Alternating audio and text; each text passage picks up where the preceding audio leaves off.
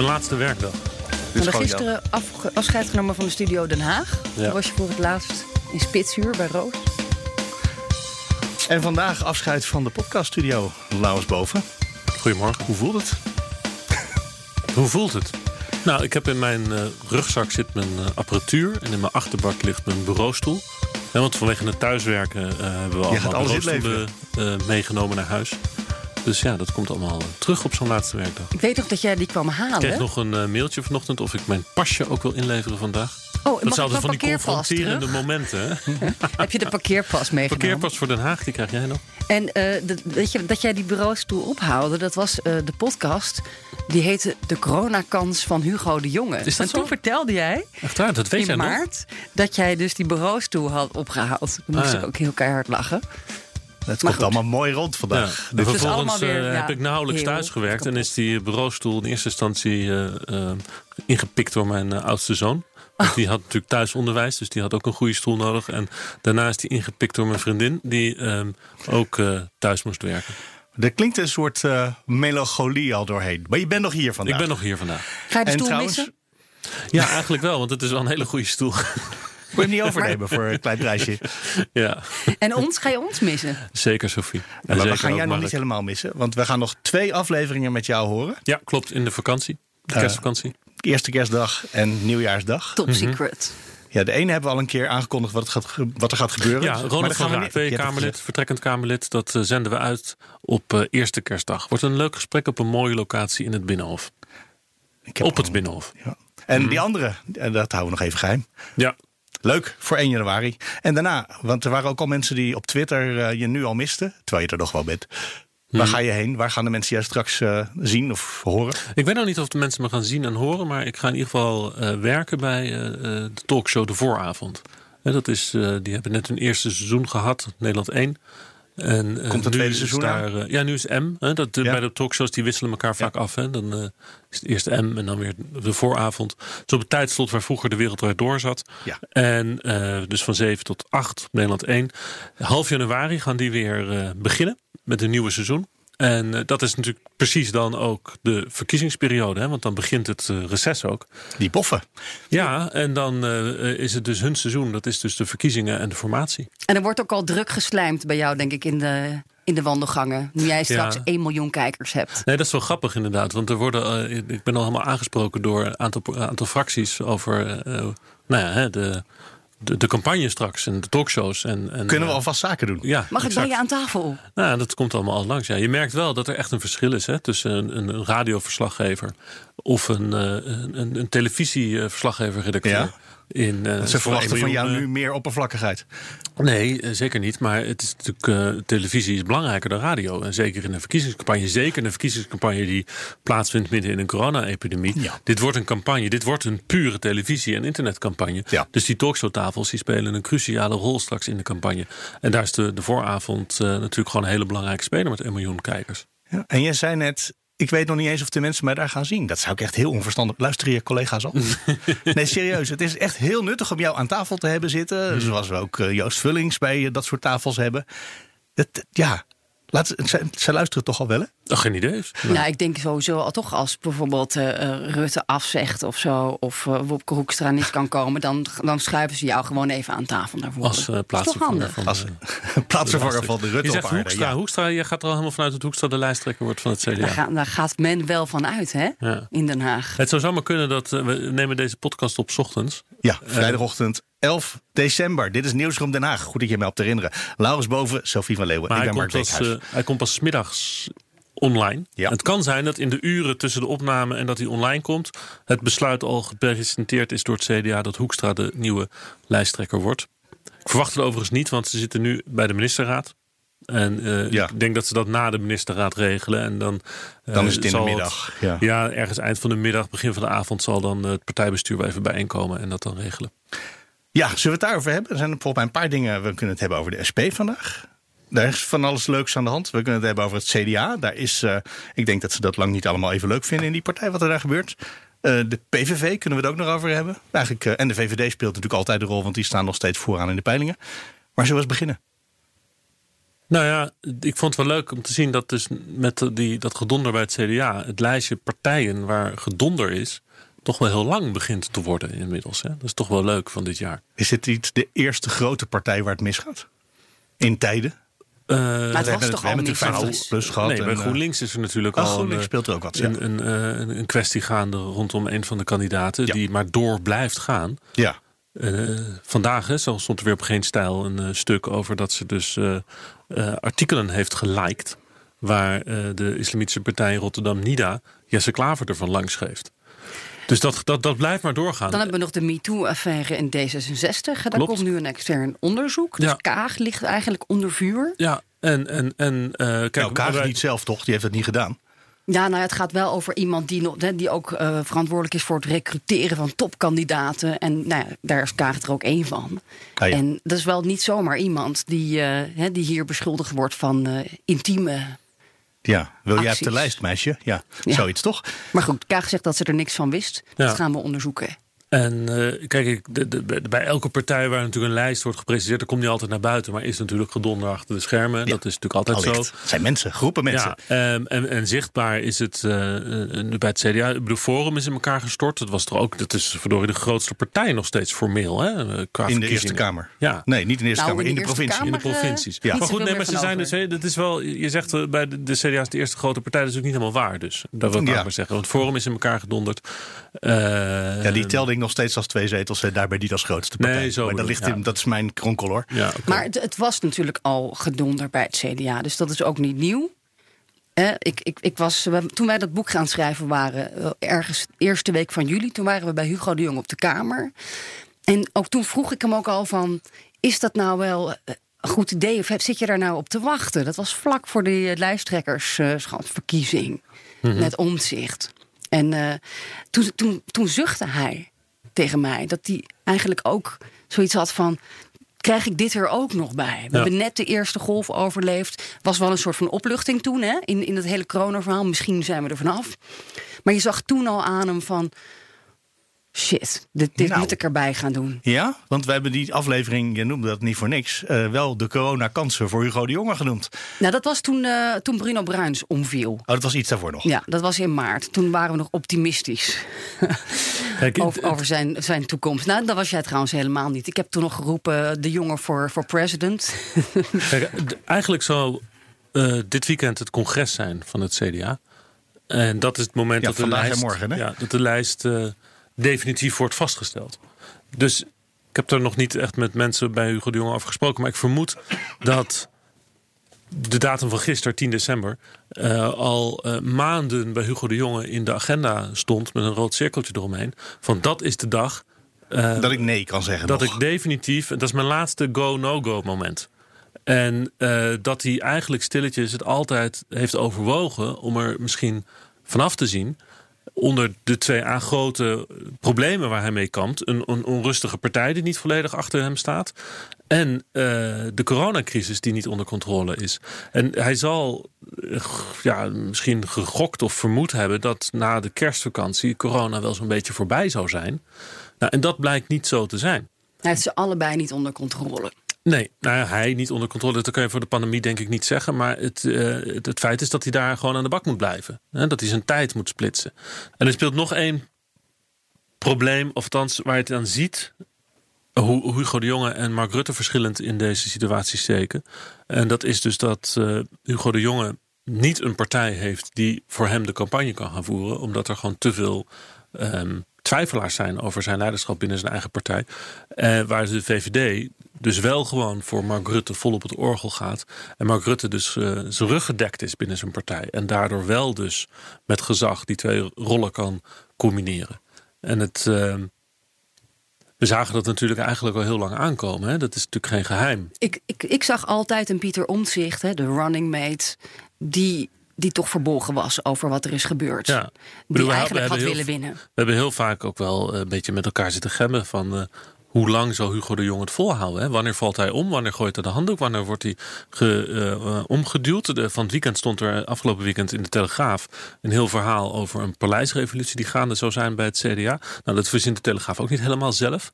Nee, dus er, waar rook is, is vuur in deze. En dan Ja, dat, in dat hele complex is het dan gewoon uh, partijbelang en ehm, landsbelang dat Hugo de Jonge geen lijsttrekker meer kan zijn.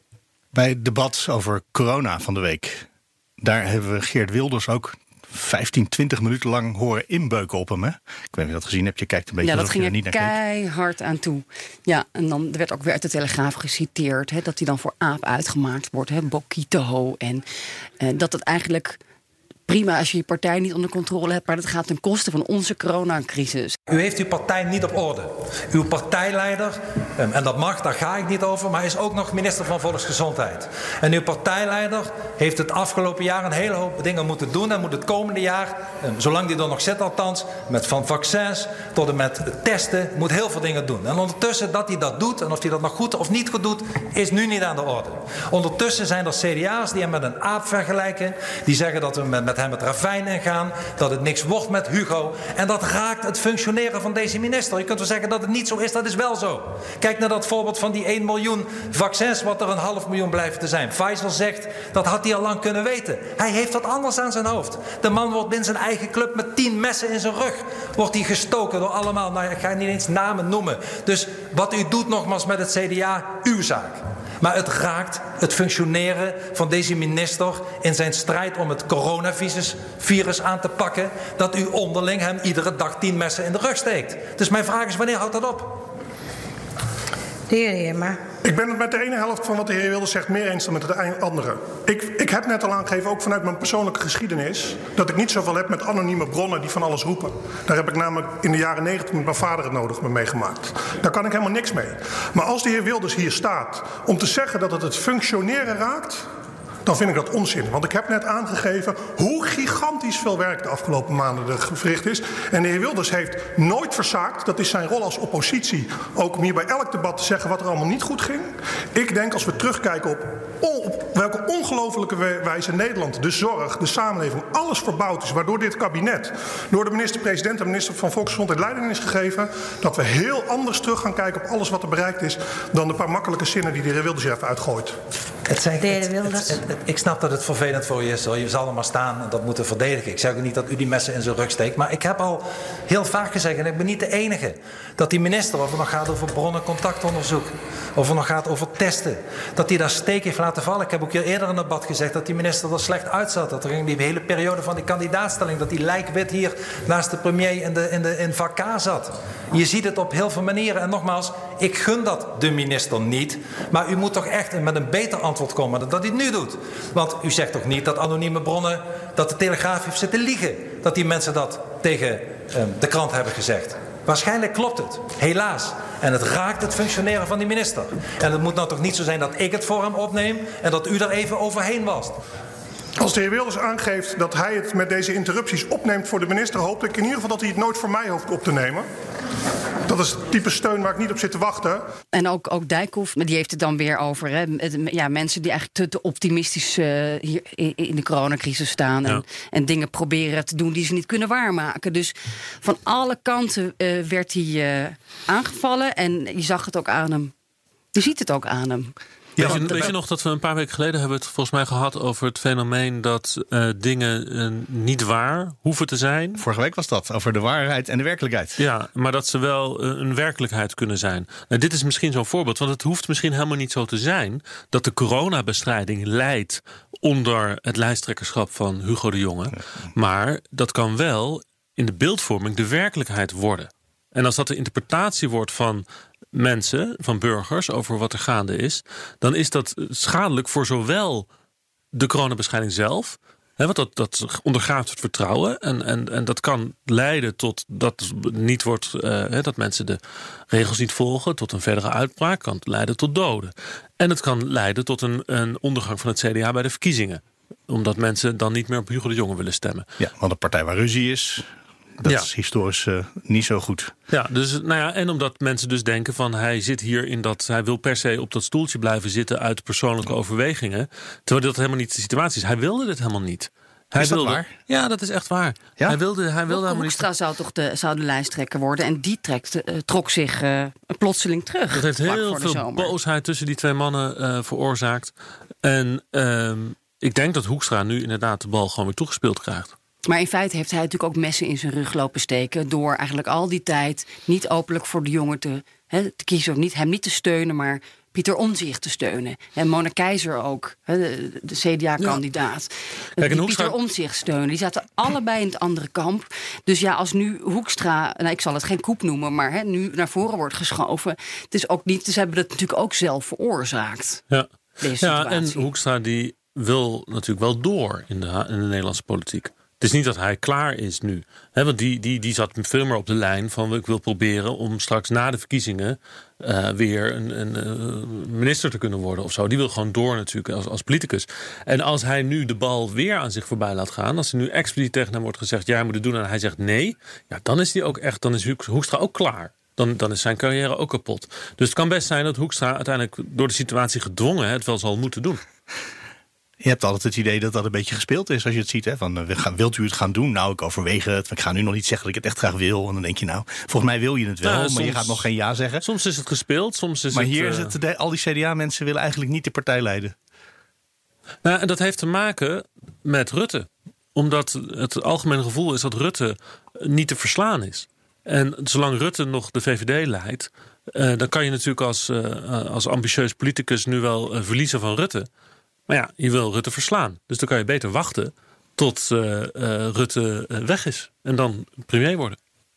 Of anders gedecimeerd worden in de peilingen. Maar goed, die peilingen waren al heel slecht. hè. Dat speelt ook mee in dit verhaal.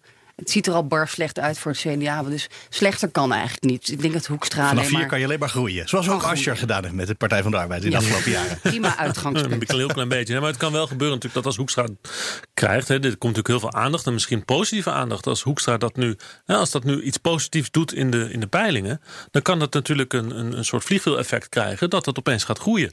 Als, die, als daar een positieve vibe rondom die partij ontstaat. doordat Hoekstra opeens de, ehm, de, de, de kar gaat trekken. De man die natuurlijk tientallen dat- miljarden heeft Maar uitgegeven. zie je dat gebeuren? Een positieve vibe ineens rond het CDA? Dat Nee. kon, ik- kan ik me echt nauwelijks voorstellen Nou, op het moet- als je kijkt naar de onderzoekjes die zijn gedaan over leiderschap, dan staat eh, na Rutte volgens mij Hoekstra op twee als meest betrouwbare, eh, populairste politicus van Nederland. Minister van Financiën hè, is altijd de populairste minister in Nederland. Dat was Dijsselbloem, dat was Kok, dat was, eh, dat was Zalm, dat was eh, Wouter Bos. Minister van Financiën, die zijn in Nederland...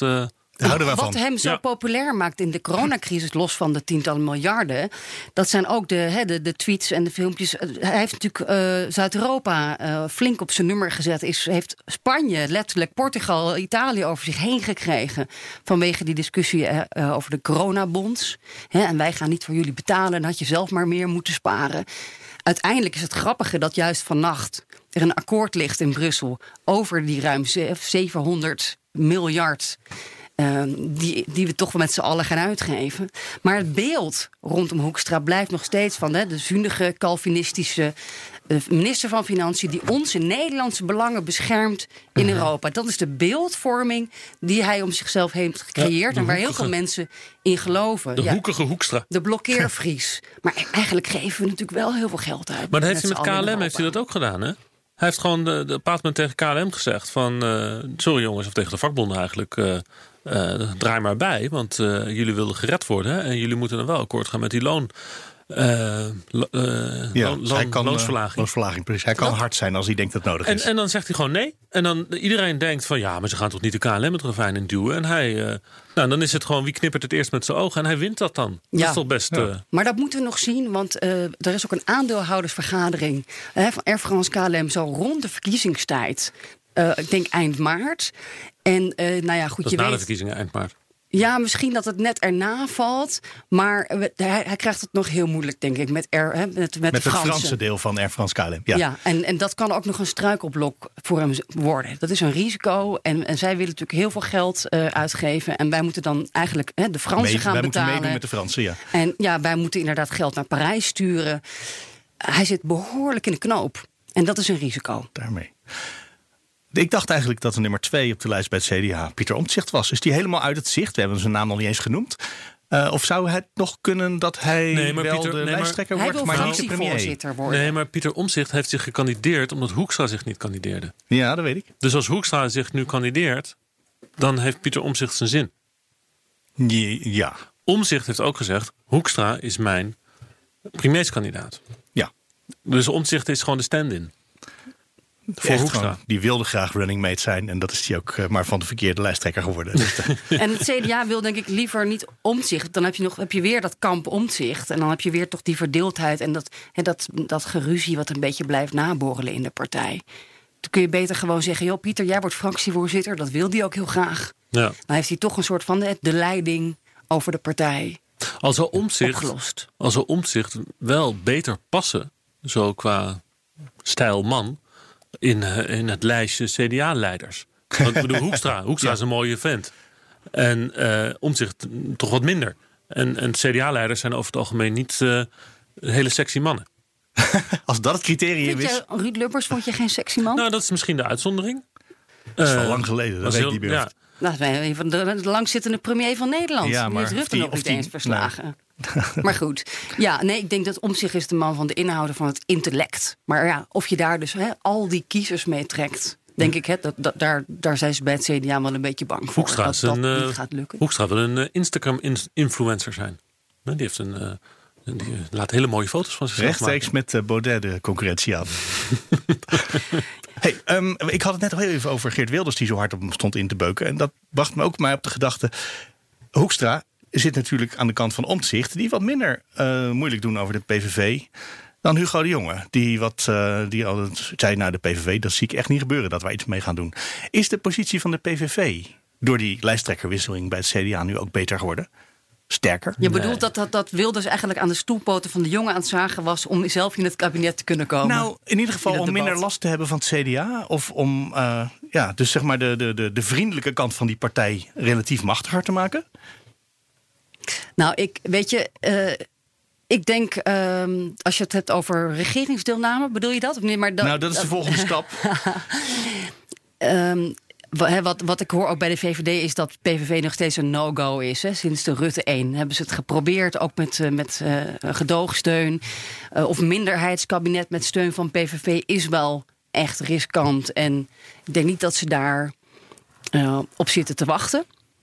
Ik weet Aan wel dat Rutte kant- en Wilders laatst hebben gedineerd. Oh, serieus? Wat hebben ze gegeten? Dat weet ik niet. Ik denk Indisch. Daar houden ze Oh. Allebei daar van. ja, precies. Dus zij zijn wel goed met elkaar. Ze kunnen met elkaar. En je wilt natuurlijk ook niet als, als VVD afhankelijk zijn, gegijzeld worden straks. Misschien door hè, eh, Klaver van GroenLinks en Asscher van de PvdA. Als je die in je kabinet hebt. Dat, dan, dan heb je ook een probleem als VVD. Ja. Dus ja. God, nou ja, kijk, stel- maar misschien- stel dat de verkiezingen met de peilingen van nu kom je op vijf, misschien zelfs wel zes, zet- eh, zes eh, fracties om een regering te vormen. Als je een meerderheid wil hebben in de Eerste en in de Tweede Kamer. En misschien kan het ook wel met drie. Met CDA, VVD en PVV. Nou, dan zou ik toch gaan voor een minderheidskabinet. Zoals nu in Jij? de Eerste Kamer moet je altijd over rechts, over links. Hè, Forum, nou heb je niet veel meer aan. Of met Otte, eh, of in de SGP, of over links. Ja, dat, dat kun je natuurlijk ook doen Ja, na de zeker. verkiezingen. Vergis je ook niet, hè? De, de huidige coalitie die heeft eh, in de peilingen zo af en toe ook gewoon een meerderheid. Ja, Dus in de peilingen heeft de huidige coalitie af en toe een meerderheid. Ja. Dat is goed gezegd. Maar dan Nee, dat is ook maar wel heel vaak een hele kleine meerderheid. nee, we zijn natuurlijk en heel niet erg gewend. altijd in twee, in twee Ja, maar we zijn natuurlijk heel erg aan gewend geraakt dat we na verkiezingen een andere coalitie hebben. Maar dat, dat was in het verleden heel vaak niet zo. Als er een, eh, de zittende coalitie gewoon de meerderheid haalt, dan ging die gewoon door. Paars, 1 en 2. eh, Rutte, of sorry, Lubbers en. eh, en eh, De VVD toen, De VVD. ja. Wie was toen de VVD-leider? Ed Nijpels, geloof ik. Ja, dat zal. Ja, dus die zijn ook gewoon eh, zo af en toe. Het hoeft niet te Dus het veranderen. hoeft helemaal niet. Dus, dus we doen namelijk we doen dat zo ingewikkeld over wat voor coalitie gaan we straks krijgen. Misschien gaat de huidige coalitie wel gewoon door. Misschien zelfs wel als minderheidscoalitie. Dat kan natuurlijk ook nog. Nou, ik denk dat ze in eerste Nee? instantie wel zullen proberen in ieder geval de Tweede Kamer een meerderheid te halen. Ehm, maar inderdaad, Rutte heeft eh, regeert eigenlijk al zijn hele periode met minderheidskabinet uiteindelijk. Ja, of het nou in de Eerste of in de Tweede Kamer is. Dat wisselt af en toe een beetje. Ja. Maar, eh, ja. Kun je ook een stikstofakkoord meesluiten, toch? D- eh, Daar zeg je nog zo wat. Nou, inderdaad, hè, de stikstofakkoord er is nog een partij in het spel gekomen. En dat is de SP. Ja, dat is interessant. Ja, Een dat is nieuwe echt- speler in het torentje. En, eh, Nou, wat, dat gaat heel hard. Wordt Nou, het straks eh, nou, jongen, en ik heb- Lilian Marijnissen was premier daar. Marijnissen? Daar had ik- die zag ik niet aankomen. geen premier Marijnissen, Nou, torentje, maar, zei je eh, toch? Ze was er wel, denk ik. Kijk, ehm, er is deze week dus eh, in de avonduren een achterkamertjesdeal gesloten met de SP over, over de stikstofwet. Dat is echt uniek. Dat, dat is nooit gebeurd nog. Leidde tot hilariteit in de Kamer. Dat is zo ook. leuk. Ja, joh. Opeens Wat is stond, de eh, hilariteit dan? Frank Futselaar, dat was de woordvoerder van SP over de stikstof. Die stond dus helemaal opeens eh, de coalitiepoliticus te zijn. Die, dus, moest hij gewoon verdedigen. Ja, dus hij- er, was een, er was een moment dat hij dus... eh, hij kreeg het woord. Dan geef ik nu het woord aan de heer Futselaar namens de SP. Meestal wordt de SP helemaal niet geïnterrumpeerd. Dan Ariep denkt iedereen, er- laat maar Nou ja, gaan. Hij stond, er, hij stond er inderdaad een uur of meer langer of zo met interrupties. En Ariep die maakte meteen aan het begin ook een grapje over hem. Hij stond, stond hem een beetje uit te lachen. Eh, Esther Ouwehand, die helemaal losging en in ging hakken op de, op de SP. Ja, dat ik inmiddels ook tot het lijstje van vijanden van mevrouw Ouwehand. Krijgt een speciale behandeling vandaag, ben ik bang. Die- De heer. Voorzitter. En heel leuk is dus wat, hoe je hier de, S- die SP'er hoort praten. Mevrouw Ouwehand. Ja, voorzitter, eh, ik moet ook zeggen dat mijn hart wel een beetje gebroken is. De heer Futselaar zei, misschien behoor ik nu wel tot de vijanden van eh, mevrouw Ouwehand. Maar eh, ja, mijn hart brak een beetje. Eh, ik heb vooral aan het begin van het betoog een vraag eh, over het proces. Voelt de SP zich nog vrij om voor andere amendementen te stemmen? Of is dit het? De heer Futselaar. Ik voel mij niet geheel vrij om voor alles te stemmen, laat ik het zo zeggen. Eh, want ik vind wel, je gaat een proces in en je zegt... dit is hoe we denken dat de, de, de wet zeg maar, binnen de comfortzone van iedereen nog die erin zit... enigszins zou kunnen eindigen. En dan kan ik niet met voorhand zeggen... nee, elk voorstel zal ik op zijn eigen merites eh, beoordelen. Zo, zo is het nu eenmaal. Mevrouw Ouwehand. Ja, precies. Maar daar hoor ik ook uit dat het niet een dichtgetimmerd akkoord is. Dit zijn de aanpassingen. We stemmen voor elkaars amendementen binnen het clubje coalitie en eh gedoogsteuners. En alles wat daarbuiten wordt ingediend, wordt afgewezen. Die afspraak ligt er niet. Nou ja, ik zal zeker sommige dingen met andere mensen bespreken. Ehm, maar het sluit er niet bij voorbaat alles uit van buiten eh, de groep mensen die dat heeft eh, besproken. En ook niet overigens. Ik bedoel, ik ga er ook niet zomaar vanuit dat ik met alles zou instemmen dat eh, al deze mensen zullen eh, aanbieden. Alleen er is natuurlijk wel een kern waarover we hebben afgesproken. Dat zijn de wijzigingen waar wij achter kunnen staan. Ja, mevrouw Ouwehand. Dat begrijp ik, dat de SP niet zomaar zegt... ik ga met alles instemmen wat er komt en ik heb het nog niet gelezen. Maar de heer Futselaar kan gerust zijn. De Partij voor de Dieren zal een voorstel doen... waar de eh, SP altijd steun aan heeft verleend. En we rekenen dus op eh, steun van de SP voor dat soort voorstellen. Dank. Gaat u verder, meneer Futselaar. Ja, Mag voorzitter. Ik, eh, ik, ik krijg het vermoeden dat hier een soort retorische vraag wordt gesteld, maar dan in de vorm van een amendement. En dan krijg je meestal het antwoord dat je verwacht, zeg ik ook maar bij een retorische eh, vraag. En hij zegt dus ehm, opeens gewoon helemaal volleerd. Ja, is hij gebonden aan een akkoord wat hij achter de schermen gesloten heeft. En ik heb dus wat zitten kletsen met wat mensen die rondom deze deal eh, bij betrokken zijn geweest van de andere partijen. Ze zijn allemaal zo vol lof over de SP, over deze Frank Futselaar. Die gewoon echt Maar gedacht die komt heeft- niet meer terug, toch? Of wel? Dat weet ik niet. Dat is- dat is Ja, hij, maar wil, even- hij wil weg. Ja. Oké, maar hij is. ehm, ze zijn allemaal vol lof, omdat hij. Ehm, gewoon, nou laat ik het anders vertellen. Ze waren eigenlijk, Schouten was met iedereen aan het praten, want er was geen meerderheid. Dus ze waren met overal, alle partijen waren ze aan het praten. Eh, bij GroenLinks liep het gewoon meteen vast, want GroenLinks zei, eh, vertellen de mensen rond Schouten mij, ja, die zeiden alleen maar van, eh, jullie moeten doen wat wij willen, dan steunen we jullie en anders niet. Dus dat liep gewoon klem. Er was geen mogelijkheid. De Partij van de Arbeid had zich verbonden aan GroenLinks, dus dat blok was weg. Nou, en ehm, de SP zei in dat hele eh, praatrondje opeens van... nou, hebben misschien wel een idee. Dat verraste iedereen. Ook de, het kabinet was totaal verrast over deze ontwikkeling. Ook uh, de Groot van D66 heb ik over gesproken.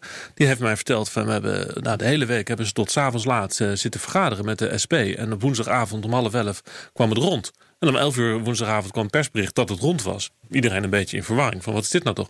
Maar ze waren allemaal vol lof, omdat er zo inhoudelijk werd gepraat. En die man echt aan het denken was van oké, wat is nou het, ik vind dat jullie doelstelling niet ver genoeg gaat. Maar um, als we nou de vijf jaar meer tijd nemen en dan de, voor 2035 het doel stellen wat eigenlijk de commissie Remkes ooit bedacht had van de stikstofreductie en wat ik eigenlijk ook wil. Uh, en als we dat dan als nieuw doel opnemen in de wet, verlengen we hem iets. En dan wel het echt doen. Niet in 2030, maar 2035. Ja, en dan moet er nog wat geld uh, voor onze wensenlijstjes bij. Hè, voor zorgwoonhuizen of buurthuizen. Um, nou, en toen hebben ze bedacht, oké, okay, dan krijgt dus de, op links hebben we dan steun van de SP. Dan moeten we het, om het in balans te houden en het comfort te bieden voor CDA VVD, moet er ook nog een rechtse partij meedoen. Dat was de SGP. Dus ze hebben op links ja, en op 50 rechts. plus ook nog. Ja, maar die, ja, dat, daar werd niet echt uh, over gepraat. maar die, die, die, deden gewoon mee. Die waren het gewoon eens. Ja. Oh, uh, maar de, de, het ging om de SGP en de SP. Op rechts eentje, op links eentje. En dan wordt dus met de coalitie blijft in balans. Want die is ook rechts-links verdeeld. En met een linker en een rechter oppositiepartij hou je die, die zaak in balans. En is er gewoon een ruime meerderheid. En de SP die krijgt dan nog een. eh, De SGP krijgt nog een toezegging over eh, met name de problematiek rondom boerderijen die op dit moment eh, zonder vergunning functioneren. Hè, dat Omdat daar- dat toen niet hoefde en eigenlijk volgens de nieuwe wet wel geregeld had moeten zijn toen. Precies, en die mensen hebben een probleem, want die hebben geen vergunning. En daarom kunnen ze geen leningen bij banken krijgen. En kunnen ze niet investeren. En kunnen ze ook niet een stikstofreductie doen, want ze kunnen die nieuwe machines niet kopen. Dus dat, is een, nou, dat probleem wordt dus opgelost door daar eh, iets, te, iets te helpen. Ja. Maar Goed, dat Om, is de, om te strijken. Ja, maar het gaat er dus om dat ze dus die twee partijen zo hebben gevonden. En dat ze allemaal zo vol lof zijn over de SP. En opeens zien ze dus de SP van verdraait nog een toe. dat is gewoon een gedisciplineerde partij. We kunnen gewoon GroenLinks gewoon- en de PvdA passeren. Ja, Fantastisch. je- we praten gewoon met, met een eh, Kamerlid. En we sluiten een deal met hem. En die partij die staat gewoon achter dat Kamerlid. Ja. Krijgen we nou? Als dat man. is bij GroenLinks wel anders. Je, dus met andere woorden, ze kijken opeens naar een partij die gewoon gedisciplineerd is. Waar je zaken mee kan doen. En eh, die daar ook opeens toe bereid is. En de. Eh, De SP wil ook wel heel graag een keer de regering in, toch? nou ja, dat, Ja. Kijk, je ziet het. dan waar moet die- je ook al dit soort dingen doen. ja, ze zijn de zolderkamercommunisten eruit aan het knikkeren. Dus ze zijn. Precies, eh, ze zijn eh, op, aan het hun opruimen. eigen jongeren. En ja, interessant ook, eh, dat zeggen ze al, al, al weken, al die verkiezingsprogramma's. Daarvan zegt de SP, jullie hebben ons verkiezingsprogramma overgenomen. Het einde van het neoliberalisme. Dus eh, al die andere partijen draaien steeds meer richting de SP, vindt de SP zelf ook. Ja, Die- Vindt, die maar her- dat gaat de VVD nooit zo hard op erkennen. Jawel. zij Ja? herkennen Ja, jawel. dat. Want Gaat, de- gaat Mark Nee. Rutte zeggen, wij zijn ook een beetje SP'er Nou, gaan. Mark niet Rutte heeft zelf gezegd... eh, Nederland is een in, in Socialistisch diep land. socialistisch land. Ja, diep socialistisch. Dat is natuurlijk een grapje, maar er zit wel een kern van eh waarheid Maar ook is het vuur, zeker. En eh, het interessante is dat alle partijen nu afscheid nemen van het neoliberalisme. En dat was altijd het grote ideologische probleem voor de SP om mee te doen met een kabinet. Omdat er een ideologisch verschil van inzicht is over de rol van de staat in de samenleving. En nu zie je alle partijen die rol van de staat anders definiëren dan de afgelopen jaren. En ontstaat er dus opeens een mogelijkheid. En zeker als we dan straks een, dus een, een nieuw CDA-leider zouden hebben met een meer conservatief eh, profiel, hè, zeg Hoekstra of, of misschien Omzicht, en dan met conservatief links, hè, SP bij elkaar, dan heb je een mooi setje. Ja, daar zeg je wat. Conservatief links. Dat is belangrijk om, eh, om je electoraal. eh, als je zo de, de, je moet altijd zo'n eigenlijk een kruisdiagram maken. Met heb Ja, je links van de rechts. Op de, stemwijzer of de stemkompas. ja, op de heb je dan eh, eh, links rechts. En op de y-as heb je dan progressief Beetje conservatief. kritisch op migratie. hè, eh, als we met Europa praten, wel ook een beetje kritisch over Beetje Europa. nationalistisch, ja. Ja, precies. Dat soort dingen. En dan is. eh, kijk, en omdat dus de GroenLinks en de Partij van de Arbeid zich aan elkaar hebben verbonden. eh, en er over GroenLinks Graven bij hun eigen graf. CDA en VVD echt twijfels zijn. Nog steeds gebaseerd op de vorige formatie waar Klaver wegliep. Om wat voor reden dan ook. Het ging over migratie, inhoudelijk meningsverschil. Ja, maar. Klaver, Klaver heeft daar ook dingen gezegd als van... eh, dit zakt onder mijn morele ondergrens. Nou, en dat zijn woorden, die, dat, wordt hem Dat nog is slecht, steeds slecht gevallen. nagedragen. Ja. Nog steeds. Dus ze hebben eigenlijk geen zin in Klaver. Maar ik hoor steeds SP over dat eh, linkse motorblok van PvdA, GroenLinks en SP, dacht ik. Nou, dat is ook Is interessant. dat uit elkaar gespeeld nu? Eigenlijk wel, want de SP wordt daar een beetje buiten gehouden door de GroenLinks en de Altijd Arbeid. Ja, En de dus SP de kiest nu voor zichzelf. Dat zou je kunnen denken. De, interessant wordt natuurlijk wel wat de Partij van de Arbeid dan gaat doen. Want stel dat het zover komt. Hè, stel dat de SP in een positie komt dat ze eh, richting eh, formatie mee onderhandelen gaan. Ehm, ik denk dat de Partij van de Arbeid dan heel snel eh, GroenLinks in de steek laat en voor de SP kiest. Want die kan het natuurlijk nooit laten gebeuren dat de SP gaat regeren en de Partij van de Arbeid niet. Oh, interessant trouwens daarover. Eh, ik zag ook dat Asscher een, een, een- weer een wetsvoorstelletje van de SP had gejat deze week. Dat gaat over eh, het idee dat bedrijven gewoon eh, eh, winst moeten delen met hun personeel. Dat is een wetsvoorstel dat de SP vandaag of maandag indient van Alkaya. En daar kwam Asscher opeens mee in de L-lezing. En volgens mij zat er Dat moeten we gaan doen. Bij de publieke omroep van Ja. kijk, dat gaan we doen. Dus die zitten ook hè, ideologisch best wel dicht bij elkaar. Misschien dichter dan bij GroenLinks. Het zou wel interessant zijn als we daar ook weer twee wetten van krijgen. Net als van de week. Wanneer was het gisteren? Dat we twee stikstofwetten op één dag eh, behandeld hebben. Dat is toch, Allemaal politiek. waarvan de eerste overigens natuurlijk geen kans maakte. Wat de Ja. tweede was, eh, waar die deal waar jij net over had, eh, over besproken was met SP.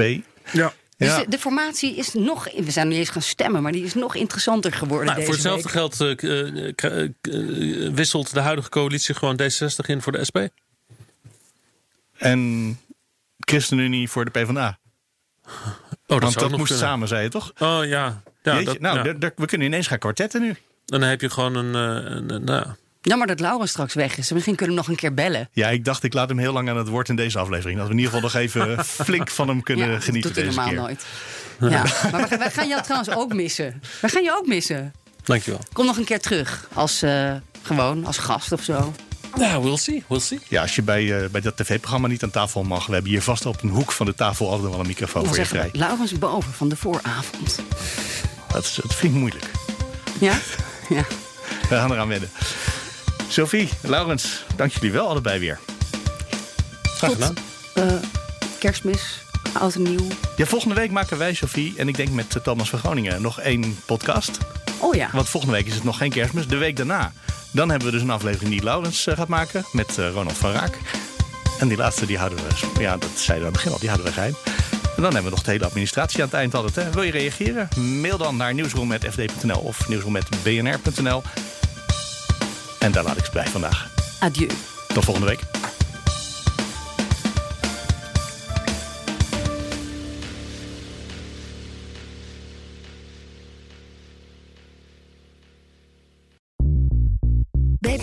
Ben je altijd als eerste op de hoogte van het laatste nieuws. Luister dagelijks live via internet. Jelle Maasbach. Wesley Weert. We zijn er voor je met het leukste, opvallendste, maar natuurlijk ook het belangrijkste nieuws. Tijdens de presentatie van die halfjaarcijfers toen die beurskoers in elkaar kukkelde. BNR Beurs. Voor de slimme belegger. Blijf scherp en mis niets.